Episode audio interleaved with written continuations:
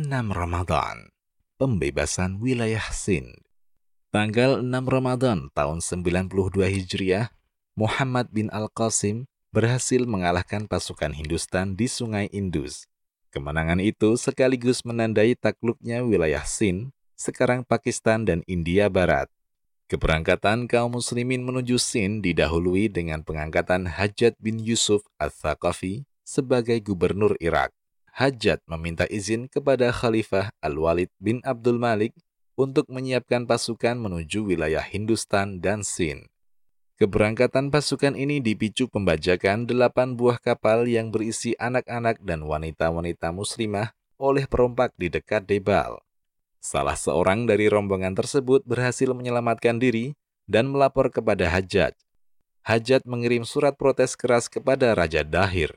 Ia meminta tawanan dibebaskan, perbendaharaan kapal yang hilang diganti kerugiannya, dan para perompak itu dihukum.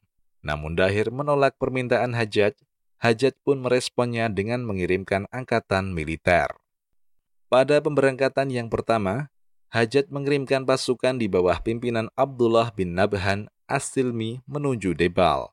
Abdullah bin Nabhan gugur dalam misi tersebut. Kemudian ia mengirim Budail bin Tahfah al-Bajali membawa 3.000 pasukan. Ia pun gugur. Hajat bersedih atas wafatnya panglimanya itu. Berikutnya, Hajat menunjuk Muhammad bin Al-Qasim Al-Thaqafi sebagai panglima pasukan. Saat itu, umur Muhammad bin Qasim baru 17 tahun. Panglima muda ini segera menggerakkan pasukannya menuju kota Shiraz.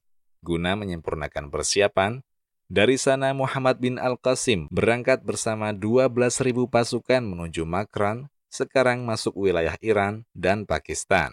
Kemudian menuju Fanzabur, lalu Armail. Dari tempat terakhir itulah ia menyerang wilayah Debal. Pasukan kaum muslimin menyerang benteng mereka, hingga Muhammad bin Al-Qasim berhasil masuk ke dalam benteng. Setelah berhasil menguasai Debal, kaum muslimin beranjak menuju Neron, sekarang Hyderabad, India. Mereka melintasi sungai Indus selama enam hari, setelah itu bergerak menuju Suristan, sebuah kota yang dipagari benteng yang tinggi, tapi Muhammad Al-Qasim berhasil menaklukkannya. Setelah itu, ia menaklukkan Swiss, kemudian kembali ke Neron. Keberhasilan itu mengantarkan Muhammad Al-Qasim melintasi sungai Mehran untuk menghadapi Dahir, Raja Sind. Kemudian ia melanjutkan perjalanan ke daerah Jeyur dan menempatkan pasukannya di dekat sungai. Di sana, kaum muslim berperang selama tujuh hari. Pasukan Sin yang dipimpin oleh Dahir mengerahkan gajah-gajah mereka untuk berperang. Tak kurang dari 60 gajah menyesaki medan tempur. Pertempuran sengit itu diakhiri dengan kemenangan kaum muslimin. Kaum muslimin mengejar pasukan Dahir yang lari tunggang langgang sampai mereka tiba di benteng Raur. Kaum muslimin berhasil menaklukkan benteng tersebut. Selanjutnya, Muhammad bin Al-Qasim juga menaklukkan kota Dahlilah.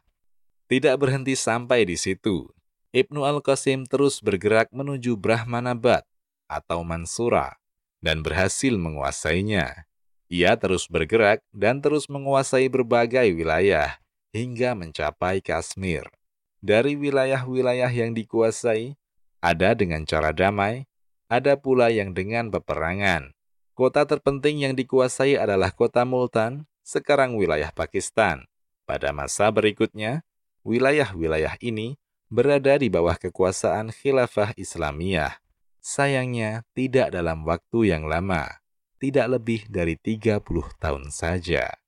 Demikian, Allahu A'lam.